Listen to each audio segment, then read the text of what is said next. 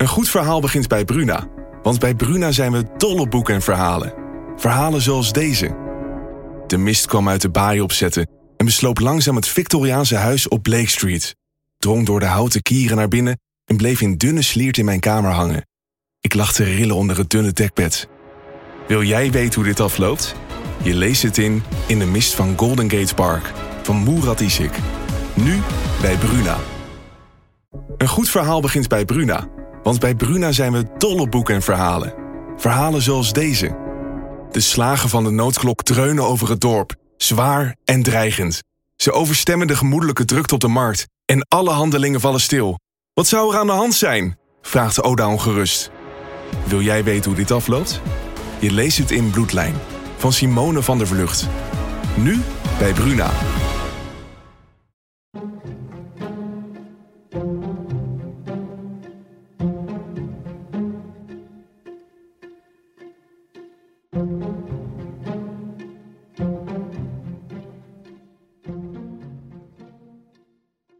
Nee, deze podcast is uh, wat anders dan, uh, dan de hiervoorgaande podcast. We, we gaan eens even terugblikken op wat we allemaal gezien hebben, wat we gehoord hebben van mensen die er verstand van hebben, die er wonen. En eens kijken van, goh, hoe, hoe is het nu eigenlijk verder gegaan en hoe moeten we nu kijken naar die, uh, naar die kolonie? Want nou, la, laten we eens beginnen met Johannes van der Bos. Wat voor man was dat? We hebben natuurlijk allerlei verhalen over hem gehoord en de effecten gezien van uh, wat zijn hij... dadendrang. Uh, ja, nou ja, dat is inderdaad hetgeen altijd naar voren komt bij hem. Ja. Hij bemoeide zich echt met iedereen. Dat viel mij wel ook op. Een dikke bemoei al. Ja, Ja. ja. En dat viel mij ook op maar als je over hem leest, eh, bijvoorbeeld in zijn biografie. ja. De Ehm. eerlijkheid gebied, die heb jij gelezen, ik niet. Maar Nee. wat voor beeld rijst daaruit op? Nou ja, eh, hij bemoeit zich met alles en iedereen. En dat is dus ook op elk gebied waar hij maar eh, mee in aanraking komt. Hij wordt op een gegeven moment, is hij eh, al op jonge leeftijd, wordt hij naar eh, wat we nu Indonesië noemen, de kolonie gestuurd. En De buitenlandse kolonie. ja, precies. Dat is wel grappig trouwens. Hij is altijd met kolonie bezig geweest. Ja. Als het niet in het buitenland was, dan zette Dan hij maakte hier hij wel ze een, wel in Nederland. Ja, Ja. er moest iets met kolonie. Ja. Maar wat opviel is dat, dat hij daar, zodra hij daar kwam, zag hij dat er van alles niet goed liep. En eh, eh, ging die plannen maken om dat te verbeteren, terwijl dat misschien helemaal niet zijn taak was. Nee, en nu wordt hij daar natuurlijk om bewonderd. Hè? En Ja. in Frederiksoord hangen overal vlaggen met zijn beeld. Dus ik vind dat zelf wel een beetje... Ja, je moet natuurlijk hè, een beeldenis hebben bij wat die koloniën van weldadigheid zijn. Mhm. En ik snap ook wel dat dat dan goed werkt met de persoon. Maar ik weet ook nog wel dat toen we daar liepen... dat ik op een gegeven moment dacht... daar heb je weer die kop van Van den Bos. Ja, die beeldenis die hangt inderdaad overal. Ehm, maar eh, het, ik vind het inderdaad ook wel lastig soms. Omdat hij op Java bijvoorbeeld hield hij ook gewoon slaven. Dat, dat, eh, ja, dat, dat rijmt niet met het beeld wat je nu van hem hebt. En wat hem dan siert natuurlijk... is, hij, is dat hij zo'n eh, rijke luiszoon eigenlijk is. Of, eh, nou ja... Ik kwam uit een... redelijk ja, welgesteld gezin. ja. had het ver geschopt. Maar dat hij dus inderdaad wel als ideaal had om, om, om, om dat verschil op te heffen of minder te maken in elk Ja, geval. Ja, precies. Ehm, maar eh, eh, hij leefde nog wel ook dus deels, vertel jij nu eigenlijk volgens die oude Ja, dat krijg je ook niet in één. eh, want Nee. de slavernij was ook niet afgeschaft op dat moment. Nee, dat, dus dat dat- bestond gewoon. Met die bril mag je dan Nee, daar eigenlijk niet ook niet helemaal naar kijken. Nee. Maar je mag je ogen er ook niet voor sluiten. Nee, dat klopt. Nee. Maar het is tegelijkertijd, als jij. ehm, eh, hij heeft zo lang, zo hard gewerkt Ja. aan dit idee en aan dit ideaal om eh, de arme bevolking te verheffen. Dan kan je niet anders, denk ik, dan concluderen dat hij eh, in ieder geval begaan was met hun lot. Je kunt, dat doe je niet als je er helemaal geen oog Nee. voor hebt. Nee, dat ben ik met je eens. En vind dan inderdaad ook maar eens mensen die dingen denken en dat vervolgens ook gaan uitvoeren. Precies. En dan Je ook, moet het ook hè, maar doen, hè? die- precies, ja. En wat dat betreft is al die lof volgens mij meer dan terecht. Ja. Oké, nou we hebben eh Minne Wiersma hier ook over gesproken. Dat is nu de directeur van de Maatschappij van Weldadigheid. Die hebben we ontmoet in Frederiksoord, ook bij Huis Westerbeek. En we hebben hem ook gevraagd eh, naar wat de erfenis van Johannes van den Bos is volgens zijn opvolger eigenlijk, Minne Wiersma dus. En hij zegt daar het volgende over.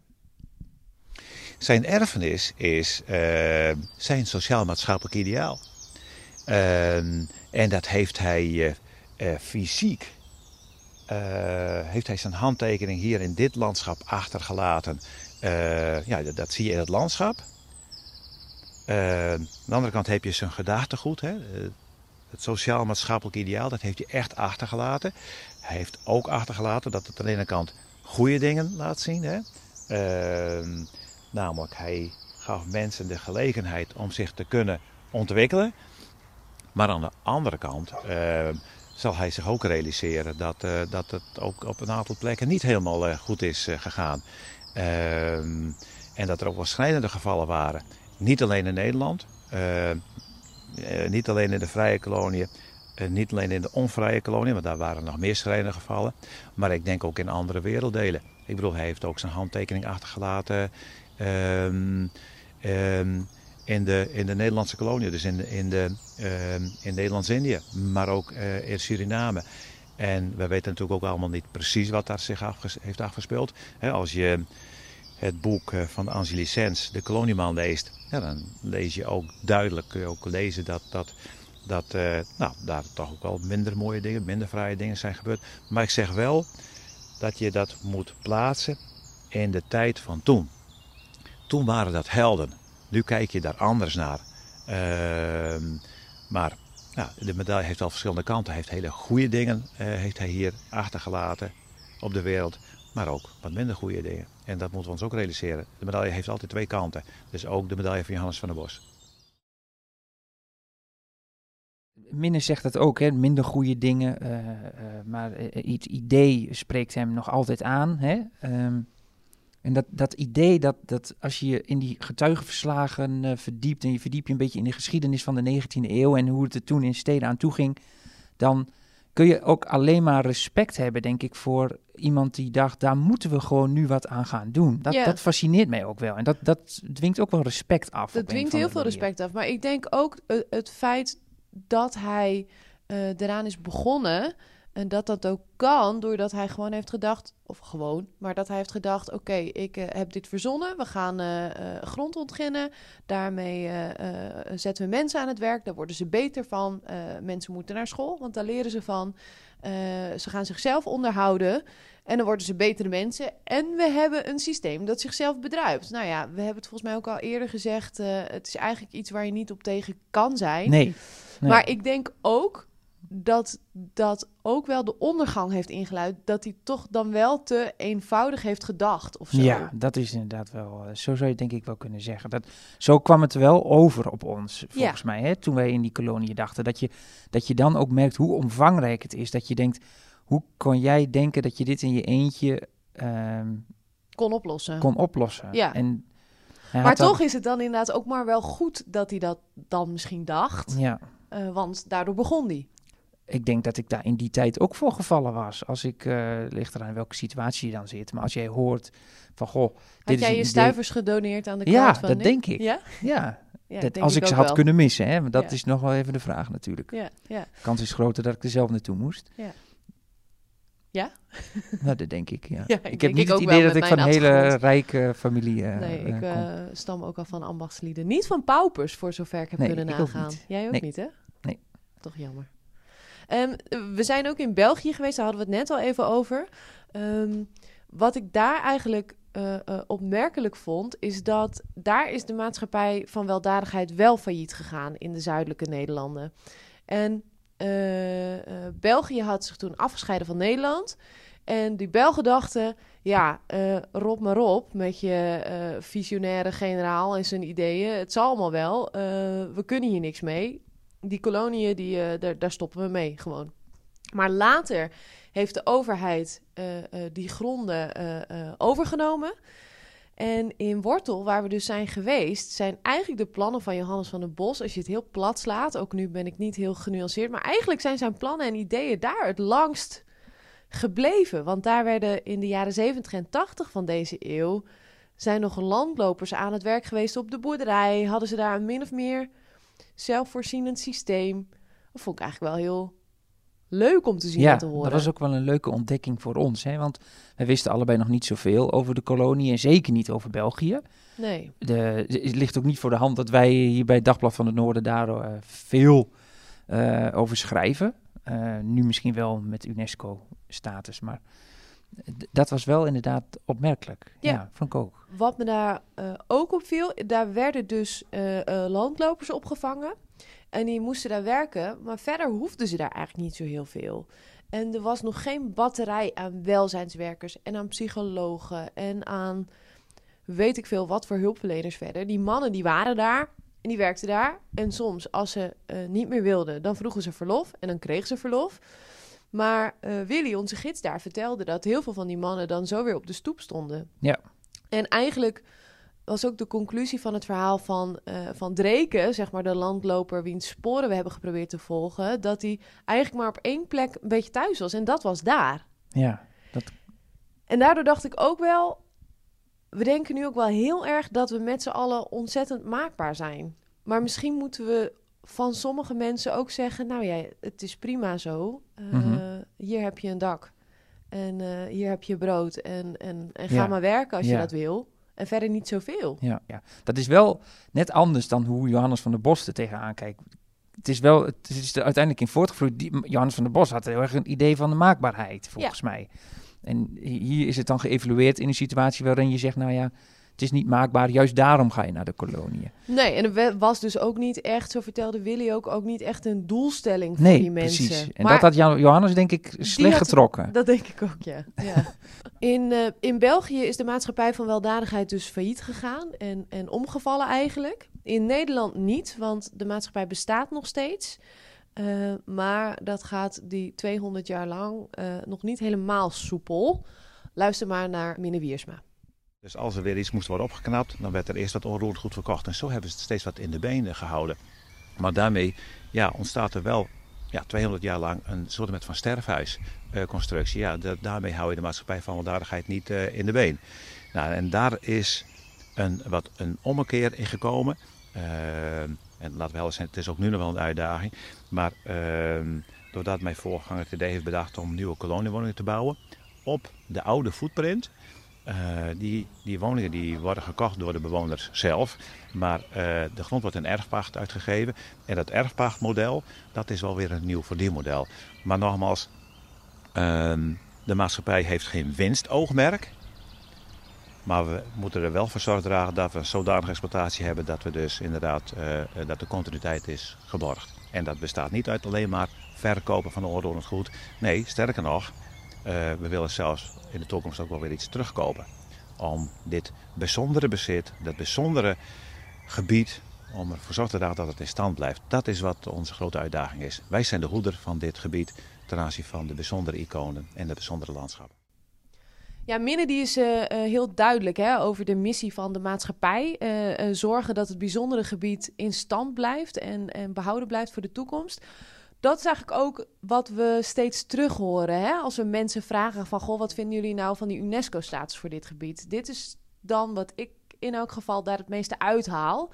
Dat mensen denken dat het ervoor gaat zorgen dat dat gebied ja, blijft zoals het nu is. Of op Ja, sommige plekken nog misschien mooier iets mooier of ja. beter. Maar Ja. eh, dat die geschiedenis op die manier verteld blijft. En ik ben oprecht eh, heel benieuwd hoe zo'n maatschappij dat dan nog verder gaat vormgeven. Dus ik ben heel benieuwd wat Ja, voor dat ideeën wordt daar verder nog uit Dat gaan wordt komen. hartstikke leuk om te volgen, gewoon Ja, eh, ja. wat daar nu gaat gebeuren. Ja, wordt alleen maar leuker misschien. Gelukskrekels zijn wij, hè? Ja, we voor de absoluut. Maar die UNESCO-status, ik ben ook wel ehm, benieuwd wat Johannes van den Bos daar zelf van had gevonden.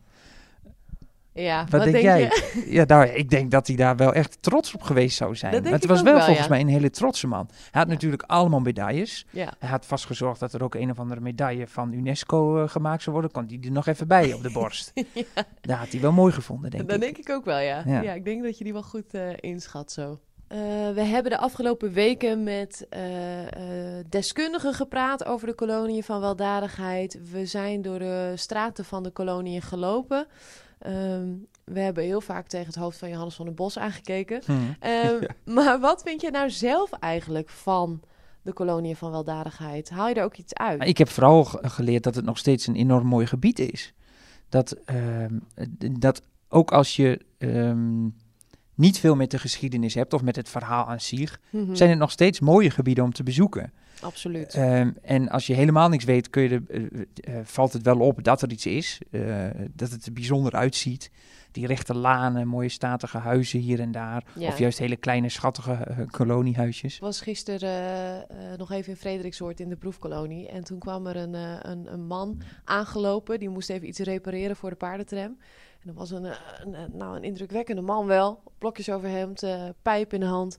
En hij bleek ook in Frederiksoord te wonen. En ik vroeg hem dus ook van, nou, goh, wat vindt u nou van de UNESCO-status? En hij hief een beetje zo zijn vingertje op. En hij begon een beetje met zo'n basstem te praten. En hij wilde nog even wat stichtelijke woorden kwijt. Maar ik vond wel dat hij dat heel mooi zei. Want dat is voor mij ook wel een beetje de kern van het verhaal. Hij zei van ja, eh, eh, eh, die Johannes van den Bos, die, die deed zelf iets aan een probleem. Dus wat ik bezoekers ook altijd vertel is van ja, hoe verhoud jij je tot eh, eh, het sociale systeem? Hoe kijk jij aan tegen de buurman? Ben je alleen maar bezig met het feit dat hij één keer vaker op vakantie gaat dan jij? Of kijk je ook naar hoe hij verder in het leven staat en of hij misschien iets nodig heeft en of jij daar iets aan kan bijdragen? Nou, ehm, inderdaad best wel stichtelijk, maar wel in een, hele mooie les, vond ik. En ehm, ja, dat is toch wel wat ik vooral meeneem uit die kolonie van weldadigheid. Er valt van alles op af te dingen. Ehm, er zijn goede kanten, er zijn slechte kanten.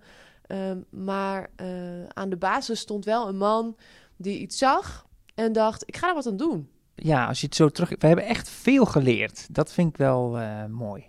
We zijn Ja. wijzer geworden. En we hebben veel mensen gesproken, veel bevlogen mensen. Dat vind ik Mhm. ook dan altijd zo Ja, mooi en leuk om te zien. Maar al die mensen die we spraken zijn zo betrokken Ja, bij enorm. het gebied. klopt. Dat vond ik ook heel mooi, ja. Ja, Die eh, willen we via deze weg dan ook eh, hartelijk danken voor hun bijdrage. absoluut. En dat ze ons op sleeptouw eh, wilden nemen. Heel erg gewaardeerd. Ja. Ehm, we hopen verder dat als je hebt geluisterd, dat je het leuk vond. Dat ten eerste. Dat je er misschien iets van geleerd hebt. Zou ook leuk zijn, maar hoeft niet. Ehm, en vooral ook dat je denkt: Goh, ik moet naar Drenthe toe. Ik moet eens die dorpen bekijken. Want dat is echt, echt, echt de moeite waard. En alle Drenten die eh, de koloniën wel kennen, moeten naar Wortel en Merksplas gaan. Ja, ook. Absoluut. Ja, want dat was ook echt indrukwekkend, hè? Ja. Vonden we allebei. Dan heb je toch even het beeld compleet. Absoluut. Wie we eigenlijk ook eh, nog wel even moeten bedanken is Johannes van der Bos zelf natuurlijk. Want die, eh, die heeft ons op dit mooie spoor gebracht uiteindelijk. Absoluut. Eh, Goeie. Ja, en eh, dat is natuurlijk wel 200 jaar geleden, dus dat kunnen we nu niet. En als hij hier wel was geweest, had hij zich waarschijnlijk ook wel bemoeid met deze podcast. dat, Waarschijnlijk. ja, dat kunnen we wel vanuit gaan. Maar zonder hem was dit natuurlijk niet gelukt. Nee, bedankt, Johannes. Bedankt Johannes.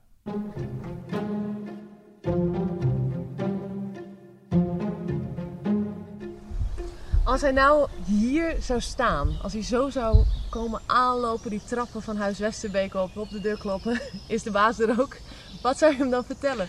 Nou, dan zou ik als eerste met hem naar het eh, portret lopen wat daar eh, hangt. En dan zouden we eens even daarna kijken van nou, is het nog exact de lookalike of is hij toch een paar jaartjes ouder geworden? Ik denk dat ik dat als eerste ga doen. Ja, dan denk ik als tweede dat hij zal zeggen, nou, dat huis waar ik 200 jaar geleden heb gewoond, nou, daar staat er nog wel puik bij. Je mag wel iets meer isoleren, hè, gelet op zelfvoorzienendheid. En ik denk dat hij dan eens om zich heen kijkt en ik hoop dat hij dan zegt, nou, Jullie hebben het met elkaar in die afgelopen 200 jaar goed onderhouden hier in dit eh, gebied.